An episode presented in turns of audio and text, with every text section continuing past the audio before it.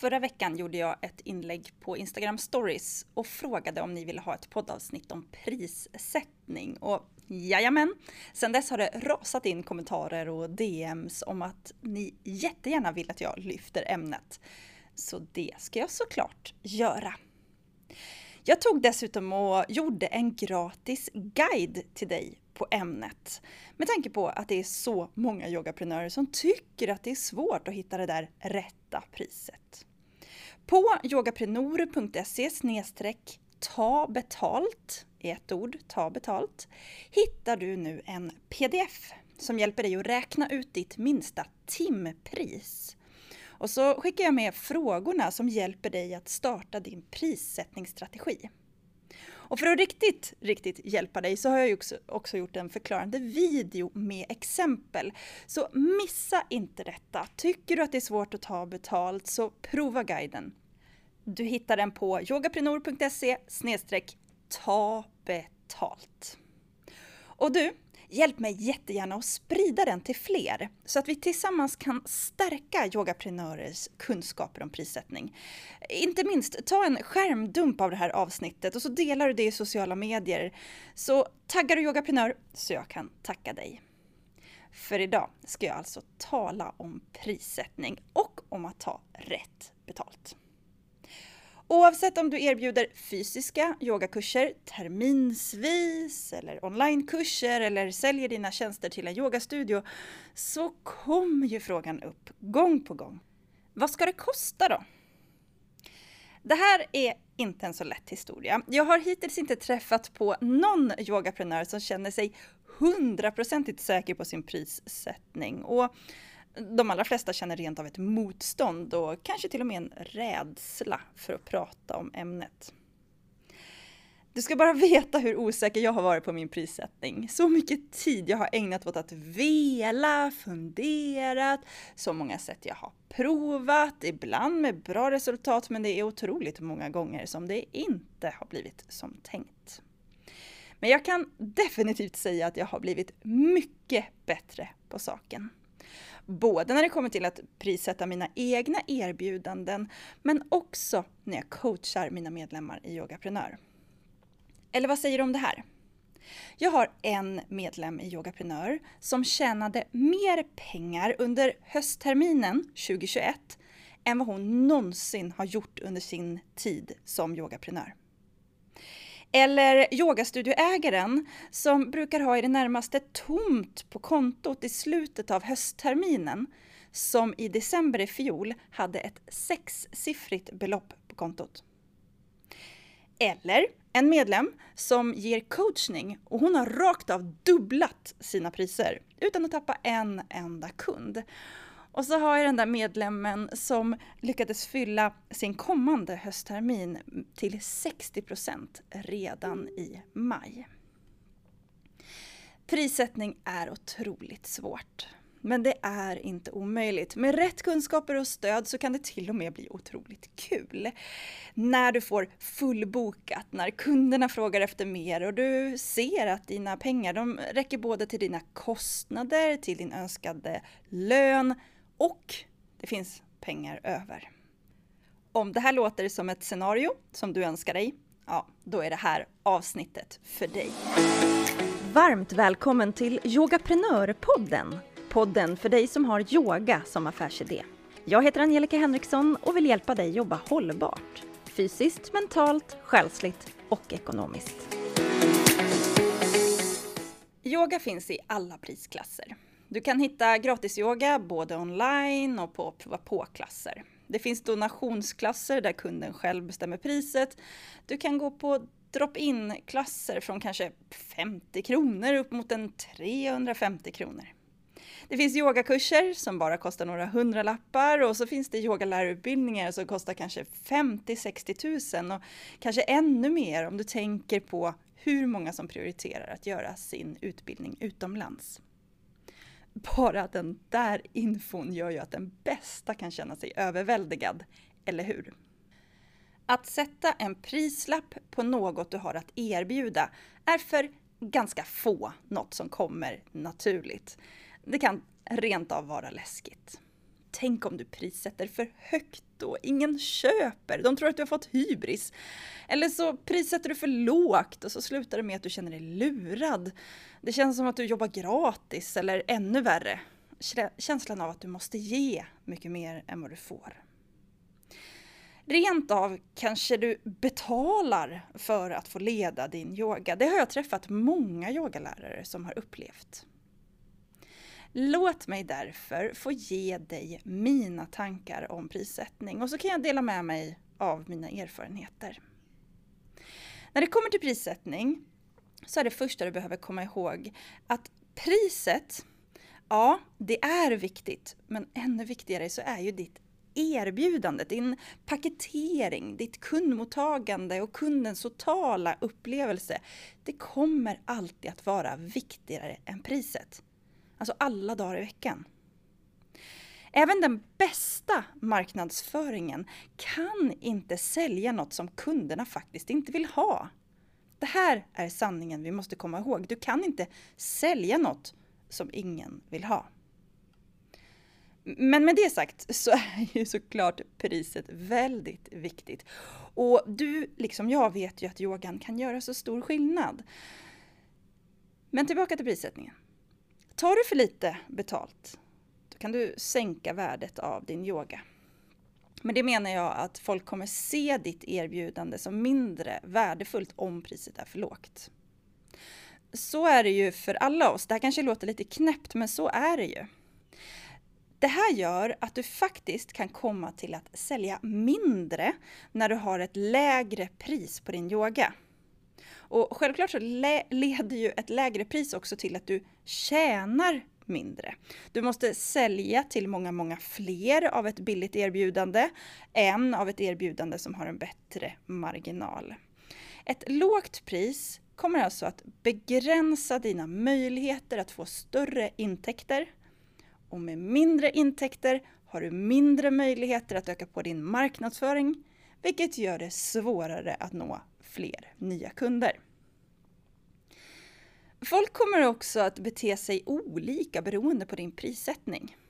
Deltagarna som köper ditt lågt värderade erbjudande kommer att ha mindre motivation att delta på dina klasser eller att jobba sig igenom din onlinekurs. Det finns ett otroligt bra uttryck på engelska som lyder When you pay, you pay attention. Fritt översatt till när du betalar så ger du uppmärksamhet. Det här kanske du känner igen dig i. Om du betalar väldigt lite för någonting så prioriterar du lätt någonting annat. Om du istället betalar mer så höjs motivationen till att få ut det som utlovats med erbjudandet. Det här ser jag supertydligt i mitt andra företag, barnyoga.com. När jag började ge mina utbildningar så kostade de ja, ungefär en tredjedel av vad jag tar idag. Och då hade jag ungefär en fjärdedel av deltagarna som inte fullgjorde sin utbildning.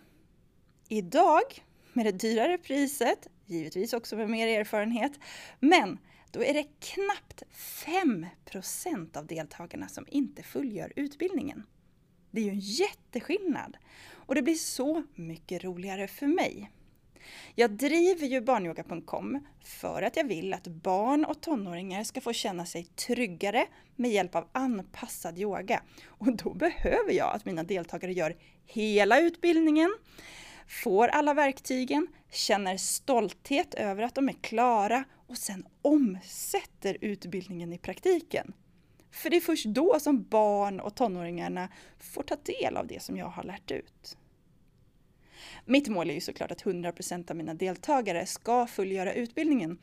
Men jag har en förståelse för att mycket oförutsett kan hända i livet. Jag vet också hur min egen motivation dalar när jag köper ett billigare erbjudande.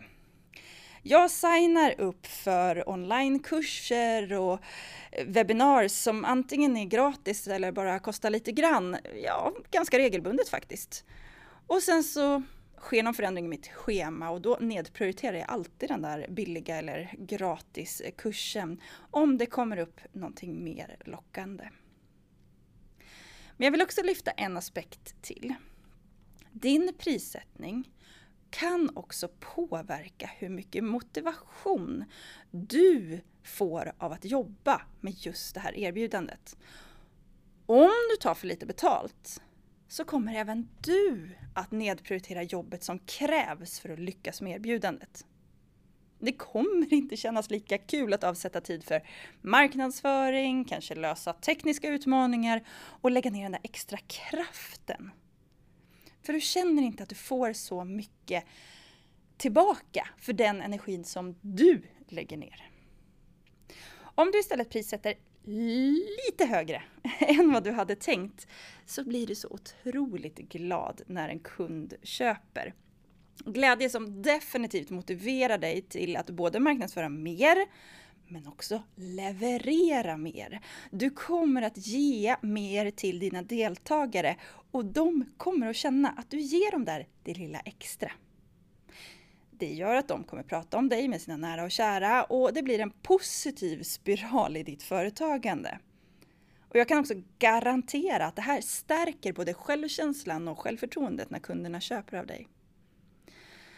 Redan när första kunden köper ditt högre prissatta erbjudande så kommer du känna Wow! Det här går att sälja! Och då finns kraften att sälja till fler. Tänk också så här. När du skapar ett erbjudande, en eh, tjänst eller en produkt som kommer vara sanslöst hjälpsam för din potentiella kund, då är du nästan skyldig att ta rättvist betalt. Du är skyldig dig själv att få betalt för all tid, pengar och energi som du har lagt på dina utbildningar. All tid, pengar och energi du har använt för att omsätta dina kunskaper i praktiken. Allt du har investerat för att komma dit där du är idag. Och för att ha skapat det här otroliga erbjudandet som dina kunder kommer ha massor av hjälp av. Därför förtjänar erbjudandet att få en bra prissättning och den bästa marknadsföringen du kan erbjuda. Lägg inte bara ditt erbjudande på din hemsida och gör ett eller två inlägg på Instagramkontot eller Facebook och kanske skicka ett mejl till mejllistan. För visst har du en mejllista? Annars så tycker jag att du ska lyssna på förra veckans poddavsnitt om ämnet.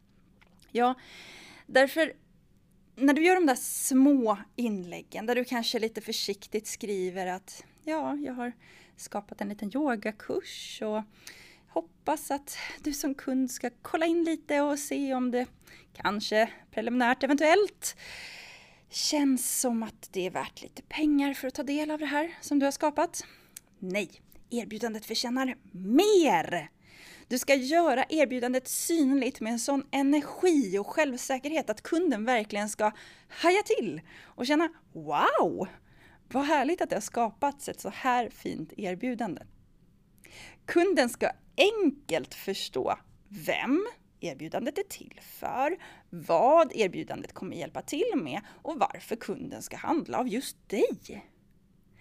Får du check på de här boxarna. Kunden känner att hen är rätt person för erbjudandet och att erbjudandet kommer att hjälpa kunden med någonting som kunden vill ha hjälp med. Och kunden kommer känna att du är rätt person för att hjälpa till. Ja, då blir priset sekundärt. Det är ju här du vill vara. Det är ju så här du vill driva ditt företag. Du känner dig trygg i att du kan hjälpa kunden och kunden känner sig trygg med att du kan hjälpa hen. Sen kan man hitta en matchning av priset därefter.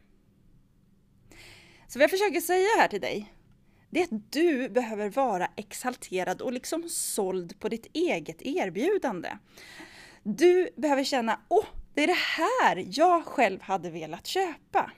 Och det är på den känslan som du kommer att kunna sätta din korrekta prissättning. Och prissättningen kommer hjälpa dig att hitta känslan.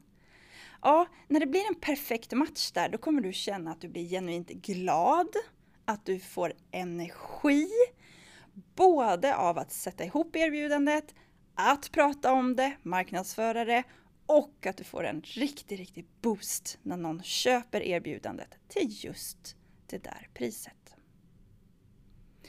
Ja, jag tar en kort liten sammanfattning här. Om du prissätter för lågt så kan värdet upplevas som lägre än om du väljer ett högre pris. Du missar intäkter och dina elever kommer inte vara lika motiverade att ta till sig av det som du erbjuder. Och du själv kan bli påverkad av ett lägre pris så att du inte säljer med samma motivation som behövs för att lyckas. Här vill du ju inte vara, eller hur? Å andra sidan, om du prissätter för högt så kan du få problem med att sälja överhuvudtaget. Det finns de i businessvärlden som säger att det aldrig finns ett hö övre tak. Att om man med rätt marknadsföring, eh, ja då kan man sälja vad som helst till ett hur högt pris som helst. Vet inte riktigt om jag håller med om det. Det beror ju ändå på målgruppen. Om du vänder dig till studenter eller sjukskrivna så vet du ju att i regel kanske de inte har samma ekonomiska förutsättningar som, ja, till exempel en högt uppsatt chef. Då får du paketera erbjudandet så att antingen fler köper det så att du kan få in vinsten du behöver.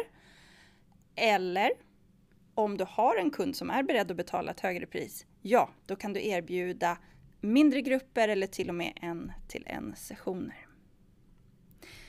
Vad just dina kunder kan betala, det får man faktiskt gissa sig till lite till en början. Att driva ett hållbart företag, det innebär en rad av så kallade trial and errors. Man får prova sig fram. Men det jag vet säkert är att du kan inte sitta själv hemma och gissa, utan du behöver ut och prata med dina kunder. Och det gör man ju genom att prova erbjudanden. Höra vad de säger och sen hela tiden vara beredd på att paketera om paketera om och om och om igen tills man hittar balansen mellan din hållbarhet och deras smärtgräns. Så nu till en av de vanligaste frågorna som brukar komma upp här när jag pratar om prissättning. Jag vågar tro att du som lyssnar kanske har den här frågan i huvudet just nu. Du kanske tänker så här. Jag vill ju att alla ska få ha möjlighet att yoga med mig oavsett ekonomiska förutsättningar. Funderar du på det? Bra i så fall. För den tanken är ju fin. Och den är genuin och den ska du hålla i. Så fin att du definitivt ska jobba för att det här ska bli din sanning. Men om du ger bort din yoga och dina kunskaper som du har betalat stora pengar för att få, lagt ner mycket energi för att lära dig på djupet och tagit tid från nära och kära för att genomföra, då ska du absolut inte ge bort dina kunskaper, din tid och din energi. Då kommer du aldrig att hålla i längden. Absolut i början så kommer du ha mer energi. Och då kanske du har så mycket energi att du kan ge mycket mer än vad du får. Men om du inte strävar emot balans så att balansen tar för lång tid innan den kommer, då är det väldigt, väldigt stor risk att dina krafter kommer ta slut. Troligen så känner du, liksom jag, både en och två och tre utbrända yogalärare. Och där vill vi inte vara. Nej, se till att ta betalt på ett hållbart sätt. Och när ditt företag är stabilt, är i balans, ja då kan du ge bort hur mycket yoga du vill. När jag hade fått min yogastudio Studio Karma i rullning, då tog jag kontakt med en lokal organisation som hjälpte ensamstående mammor och deras barn som hade det väldigt svårt ekonomiskt. Organisationen fick bestämma ett antal mammor som fick gratis klippkort och så sponsrade vi med en yogamatta också varje år. Vi sponsrade också organisationen själv, eh, själva med en hemsida så att de lättare kunde ta emot bidrag från privatpersoner.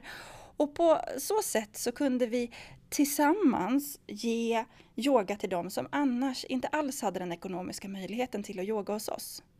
Utan att vi gav av våra egna marginaler. Kanske kan du hitta en liknande lösning för din verksamhet när du har hittat balans. Så låt oss nu titta på hur du kan hitta rätt i din prissättning. Jag har samlat några tankar i fyra frågor som kan hjälpa dig på vägen. Och den första frågan den lyder Vad innehåller ditt erbjudande? Och när jag ställer den frågan, vad innehåller ditt erbjudande? Så vet jag att många yogaprenörer svarar genom att börja berätta hur många och hur långa yogaklasser den kommande yogakursen innehåller. Hur många lektioner din onlinekurs har, vilken yogaform du undervisar i eller hur många övningar man får när man köper ett skräddarsytt yogapass, kanske via en privat klass. Men det är inte det här jag menar när jag ställer frågan vad innehåller ditt erbjudande? Utan jag menar lite mer vad får kunden för resultat av det här innehållet som du erbjuder? Det är nämligen inte antalet klasser din kommande kurs eller termin innehåller, längden på klasserna eller yogaformen som avgör vad yogan ska kosta.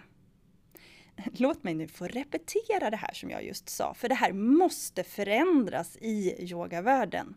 Det är inte antalet klasser din kommande kurs eller termin innehåller, längden på klasserna eller yogaformen som avgör vad yogan ska kosta. Det finns ingen prislista, utan priset på ditt erbjudande sätts utifrån hur gärna kunden vill ha hjälp av dig med en viss lösning eller resultat. Lyssna nu noga på det här tankeexperimentet. Vi säger att du erbjuder yoga som ska hjälpa den utarbetade och sönderstressade småbarnsmamman med återhämtning. Om du nu skulle hitta ett sätt så att bara på en timme skulle mamman få all återhämtning hon behövde och alla verktyg för att göra kloka val för en mer balanserad tillvaro framåt, tror du då inte att hon skulle vara beredd att betala nästan vad som helst för den timmen? i alla fall betala mycket, mycket mer än om hon skulle behöva avsätta två och en halv timme varje onsdagskväll under 15 veckor för att dels ta sig till yogastudion, yoga i 90 minuter och sen ta sig hem igen. Visst är det här nästan en rafflande tanke? Vi är så inriktade på att yoga Ja, det är någonting vi gör kanske 90 minuter i veckan hela terminen för att få återhämtning och balans i livet. Tänk om just du är rätt person som kan paketera det på ett mer tidseffektivt sätt. Nu vet ju ja, du, liksom jag, att det är det närmaste omöjligt att få ge den där stressade och utarbetade småbarnsmamman återhämtning på bara en timme. Men poängen kvarstår. Kan du hjälpa dina kunder med deras problem på det för dem mest upplevda effektiva sättet? Ja, då kan du ta ett mycket högre pris än om kunden dessutom behöver betala med sin tid om yogan skulle pågå under ja, många veckor till exempel. I den här tanken kan du också lägga till att du vill ge kunden så lite som möjligt att göra men ändå uppnå bästa möjliga resultat. Jag ger dig ett exempel till. Om du vill hjälpa en stressad kvinna som lider av hormonobalanser i samband med klimakteriet så behöver hon knappast tre timmars yoga per dag, en timmes föreläsning och 70 boktips. Nej! Hon vill ha din skräddarsydda lösning. Hon vill veta hur hon på enklaste sätt kan få balans igen och det är det hon kommer vilja betala dig för. Vill hon bara ha en massa mer att läsa, lyssna på och ta in och göra, då kan hon gå och låna böcker på biblioteket, söka på nätet. Nej, det hon söker och är beredd att betala för, det är ju din sammansatta lösning. Ju bättre du blir på att matcha kundens utmaning med ett effektivt sätt att få resultat på, desto högre värde har ditt erbjudande. Alltså, du kan sätta ett högre pris. Eh, med allt det här sagt eh, så kommer såklart dina deltagare förvänta sig ett visst innehåll för priset du sätter. Men jag tar upp det här för jag vet att du vill ge din kund allt. Så mycket du bara kan. Du vill inte att de ska missa någonting och det kommer ifrån välvilja. Men här behöver du som hållbar yogaprenör tänka om. Ditt jobb är att paketera en lösning bestående av precis det som kunden behöver för att få det utlovade resultatet så fort som möjligt. Och det är det som kunden betalar för. Hmm. Det var fråga ett. fråga två, det är vad är kundens upplevda värde? Du kan ta ett högre pris desto mer transformation eller förändring som ditt erbjudande hjälper kunden med. Och här fastnar så många yogaprenörer. Man tänker lätt att resultatet som jag har pratat om här, det måste vara någonting livsförändrande. Men jag tycker att du ska tänka lite lättare här. Lite, ja, lite enklare. Exempelvis. En person som lider av sömnsvårigheter är troligen beredd att betala ganska stora pengar för att kunna sova gott. Om du sätter samman en kurs av kanske allt från kostråd, yoga för att ta bort stelhet och mjuka upp spänningar, mental coachning för att göra bättre val under hela dagen, kanske tillsammans med stöttning av en gemensam Facebookgrupp där deltagarna kan hjälpa varandra, ja men då är ju det här riktigt, riktigt värdefullt för kunden. Eller om vi ändå ska prata om sömn. Tänk om du kan erbjuda nedvarvningsyogasagor för småbarn. Hur många supertrötta föräldrar skulle inte betala för att få lättare läggningar? Där kanske inte familjeyoga på söndagar är lösningen, utan istället då inspelade klasser, antingen av video eller ljud, som familjen kan använda i god tid innan läggning. Kundens värde kan också ökas genom att du lägger till mer stöttning. Kanske ingår det ett samtal eller en privatklass med dig per termin Kanske kan du ge dem en fin anteckningsbok vid kursstart för att uppmuntra att skriva tacksamhetsdagbok. Ja, men de där små extra sakerna som inte behöver kosta så mycket eller ta så mycket av din tid, men som ändå höjer kundens upplevda värde av ditt erbjudande. Vi går vidare till eh, fråga tre och det handlar om hur vill du positionera dig? Mm. Ja, Positionera kanske upplevs som ett högtravande ord, men låt mig förklara lite grann. Säg att det finns fler yogaprenörer som erbjuder ungefär samma sak som du erbjuder i din geografiska omgivning. Eller säg att du säljer din yoga online, då finns det ju massvis av yogalärare som erbjuder precis samma sak som du gör. Du behöver alltså hitta din position på marknaden. Du skulle kunna vara den som erbjuder billigare yoga, men då i större grupper och i en billigare lokal, som då gör det fortfarande ekonomiskt hållbart. Eller så skulle du kunna vara den som erbjuder den dyrare yogan som sker i en fin yogastudio i mindre grupper. Det här är två helt olika erbjudanden som kommer att attrahera olika målgrupper. Även om det är samma form av yoga som du har tänkt att använda vid båda fallen. Mm, börja här med att göra en så kallad omvärldsanalys. Det är ett stort ord för att säga kolla vad andra gör. Säg att du jobbar lokalt, ja men då tar du en promenad, kollar lokalblaskan och googlar runt allting som sker i ditt geografiska område som erbjuder något liknande till det du gör. Det kan givetvis vara andra yogalärare, andra yogastudios, men också gym, Friskis och svett, Fritis, rehab och hälsocenter. Kolla in alla! Hur funkar deras erbjudanden? Vad utlovar de för resultat och vad tar de betalt? Och så hittar du vilket hål som du kan eller vill fylla. Väljer du en plats där det redan finns en aktör, ja då blir ni ju de facto konkurrenter. Men om du väljer en tom plats, då kan ni istället komplettera varandra. Jag ska ge ett exempel i Norrtälje kunde man yoga på Friskis och Svettis för, jag tror det var knappt 3000 kronor per år när jag drev studio. Hos mig kostade ett årskort ungefär 8000 kronor om året, alltså mer än dubbelt upp, nästan tre gånger så mycket. På Friskis så kunde de vara upp mot en, jag vet inte, 60, 80, kanske till och med 100 deltagare per klass i en stor gympasal med lysrörsbelysning i taket, elektriska ljus och ledaren hade ett headset och förprogrammerade, ehm, eh, förkoreograferade eh, yogaklasser. Hos mig på Studio Karma fick man yogi-te, göra ett fotbad, yoga i vacker miljö med högt utbildade yogalärare. Så att ja, på ett sätt var vi ju konkurrenter. Vi erbjöd samma, ja, vi erbjöd yoga och det fanns likheter i den yogan vi erbjöd.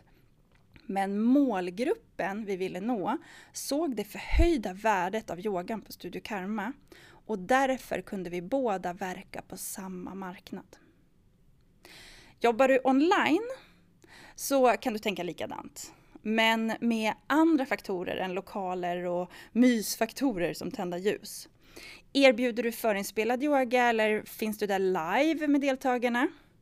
Så att du kan ge verbala justeringar och individuella instruktioner. Vilken tid, vilken dag, vilken längd har du på dina klasser? Vad får kunden mer än bara yogan? När du har koll på vad de som gör ungefär det som du gör, då kan du välja position. Vill du vara det billigare alternativet? Vill du vara den i mitten eller vill du vara i det högre segmentet? Kom ihåg vad jag sa, when you pay you pay attention. Det här är så viktigt att komma ihåg. Jag har som absolut roligast på jobbet när jag får hjälpa motiverade yogaprenörer att nå sina drömmar. Yogaprenörer som har bestämt sig för att investera i ett medlemskap hos mig. De har drivet, de har viljan, men de behöver stödet, kunskaperna och peppen. Och eftersom jag vet att de är motiverade och vill framåt, då får jag kraften att ge det där lilla extra. Att skapa den extra mallen, svara på fler frågor, tipsa mer än vad jag utlovat. Ja, för det är precis så jag vill ha det. Det är då jag levererar som bäst och har som roligast på jobbet. Därför är mitt erbjudande om medlemskap ett något dyrare alternativ. För jag vet vad jag behöver för att leverera bäst. Gör det här jobbet du också. Ta reda på vad du behöver för omständigheter för att leverera som allra bäst och hjälpa dina kunder på allra bästa sätt. Jag vill skjuta in en sak till här innan vi går in på sista frågan och det är också att Dyrare kan verkligen vara bra av flera anledningar. Man kallar det ibland om premiumpriser eller high-end offers, det här där extra dyra. Vi kan gå utanför yogavärlden en stund. Om jag har ett problem, jag behöver ta mig från A till B och jag behöver kunna göra det fort, flexibelt och eh, kunna ha med mig mycket saker och mina ungar då är ju en bil en lösning på detta problemet. Jag behöver en bil. Jag kan köpa en väldigt, väldigt, väldigt billig bil. Jag kan också köpa en jättedyr bil. Vad är det som gör att jag väljer den ena prisklassen eller den andra prisklassen eller någonting där mittemellan? Ja, det är ju det där upplevda värdet som läggs till. Att vi vill höra till ett visst bilmärke eller klädmärke eller vad det nu kan vara för någonting. Det här kan vi också se i träningsvärlden. Vill vi gå på det lokala gymmet eller vill vi gå på den stora breda kedjan eller vill vi gå på det där specialgymmet som verkligen har fokuserat på PT-klasser? Ja, det är ju vi som kund som bestämmer. Och ett exempel från verkligheten här. Vi har en eh, Crossfit-box här i Norrtälje och de gjorde som en slogan till deras verksamhet Not the cheapest gym in town. Är ni med på den? Du skulle alltså kunna göra Not the cheapest yoga in Sweden. ja. Det kommer att attrahera en viss målgrupp. Är det den målgruppen som du vet att du hjälper bäst, det är de du vill jobba med, då är det ju dem du ska tilltala. Och där kan aldrig priset vara lågt. Mm.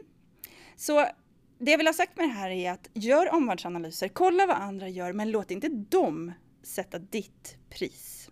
För vi har kommit till sista frågan. Frågan som lyder, hur mycket vill du tjäna?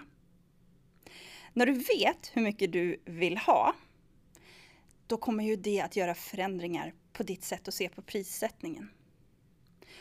Om vi leker med tanken att du vill ha in 10 000 kronor in i ditt företag varje månad, då kan du alltså sälja ett erbjudande som kostar 1000 kronor 10 gånger. Eller så har du ett erbjudande som bara kostar 100 kronor och då måste du sälja det 100 gånger.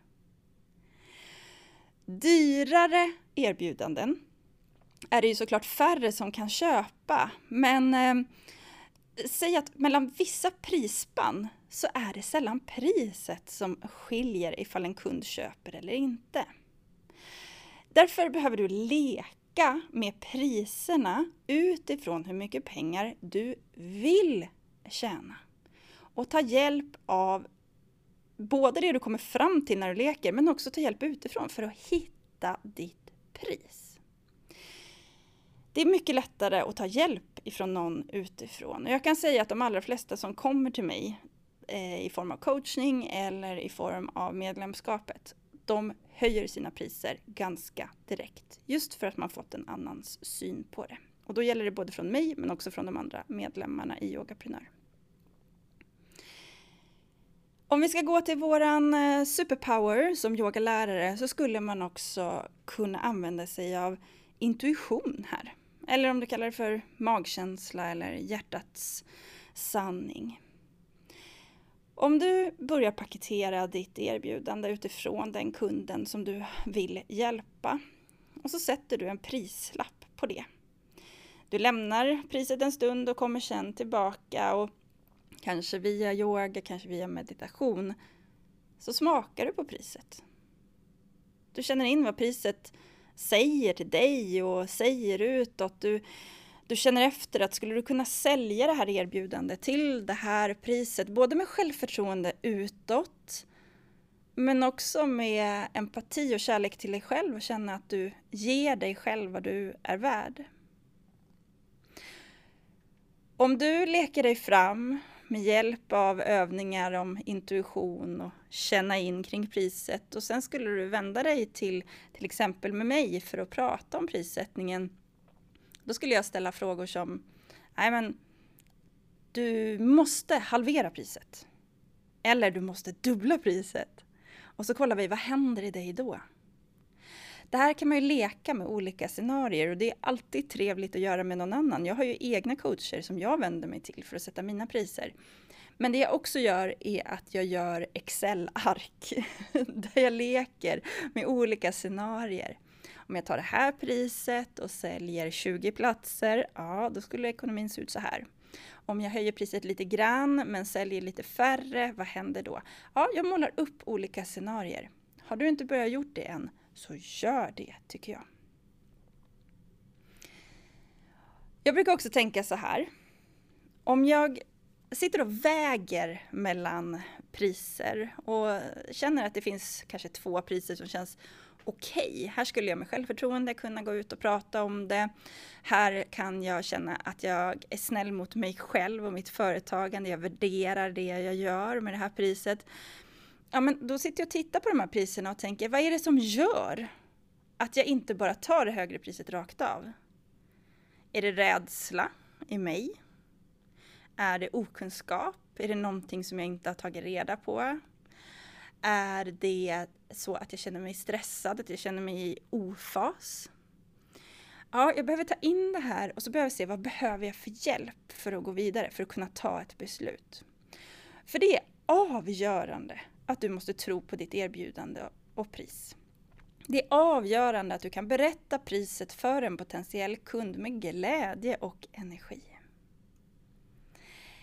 Om du väljer det högre priset, vilket ofta brukar vara ett ganska bra pris, då kan man ju ändå göra små justeringar. Man kan erbjuda delbetalning. Men är det i någon värld som jag märker att det är för mycket delbetalningar så är det just i yogavärlden. För lyssna nu noga. Varje gång du erbjuder delbetalning så är det både en högre risk du har inte fått in pengarna, du har inte fått in intäkten, vilket gör att det kan vara så att det inte blir av att kunden betalar. Men också, det medför mer administration. Så ska du erbjuda delbetalning så kan jag säga att det till 99% alltid ska medföra en högre kostnad för kunden. Självklart kan det finnas undantag. Så tänk på att er delbetalning kan vara toppen, super, jättebra, men det är en högre risk och det medför mer administration. En annan sak är också att du kan sälja erbjudandet till ett lägre pris först men att du redan har satt din prissättningsstrategi att på sikt, då ska du ha det där högre priset. Du planerar alltså direkt för hur du ska höja. Du har en plan. Jag kan ge ett exempel här från verkligheten. Första gången jag tog in medlemmar i Yogaprenör så fick de tre månaders medlemskap för 599 kronor plus moms i tre månader. Jag var ny, jag hade inte skapat något material, jag gav dem mindre stöd. Men idag, när jag har satt metoden, jag har skapat skräddarsydda lösningar, jag stöttar varje vecka med gruppcoachning och en sluten Facebookgrupp. Och jag vet att det funkar. Ja, då kostar 12 veckor 15 000 plus moms. Det är ju det priset som jag hade som sikte från start. Mm. Så genom att svara på de här frågorna. Vad innehåller ditt erbjudande? Vad är kundens upplevda värde? Hur vill du positionera dig? Och hur mycket pengar vill du tjäna? Så får du starten till en hållbar prissättningsstrategi. Jag vet att du definitivt inte kommer lösa hela din prissättningsstrategi genom att bara lyssna på det här avsnittet. Men jag har en förhoppning om att det här ska ha gett dig en hel del nya tankar. Och så har jag som sagt var kompletterat avsnittet med den här gratisguiden som du kan prova på på yogaprenor.se ta betalt. Där kan du räkna ut ditt absolut minsta timpris och du hittar både en pdf att ladda ner som du kan räkna på och så stöttar jag dig med en video med förklaringar och exempel. Så missa inte den här möjligheten. yogaprenor.se snedstreck ta betalt. Uppskattade du det här avsnittet så får du hemskt gärna ta en skärmdump, dela på Instagram, sociala medier och tagga yogaprenörer så att jag får se och tacka dig som har lyssnat och delat. Men också för att hjälpa mig sprida ordet till Yoga Sverige. Att nu är det dags att släppa den här förlegade tanken om att ta betalt per yogaklass. Med underbyggda strategier för din prissättning så kan du verkligen nå dina drömmar. Kanske är det att få jobba heltid med yoga. Kanske är det att få hjälpa fler än vad du gör idag. Kanske kan du hjälpa mer än att bara fastna i det här att termin efter termin leda ut din yogaforms grunder och istället få jobba med dina kunder på ett djupare plan. Kanske är du redo att hitta din hållbara affärsidé. Jag är i alla fall mer än redo att hjälpa dig som vill nå dina mål och lyckas som hållbar yogaprenör. Och du kan ju nu bli medlem. Jag har samlat, samlat all information du behöver på yogaprenor.se redo. Och ju tidigare du bokar, desto bättre pris och mer innehåll får du. Så är du redo att ta klivet, kör! Häng med mig och idag drygt 50 andra superdrivna yogaprenörer. För nu, nu tänker jag ta en välförtjänt semester. Och nästa avsnitt av Yogaprenörpodden, det kommer i augusti. Men var inte ledsen för det.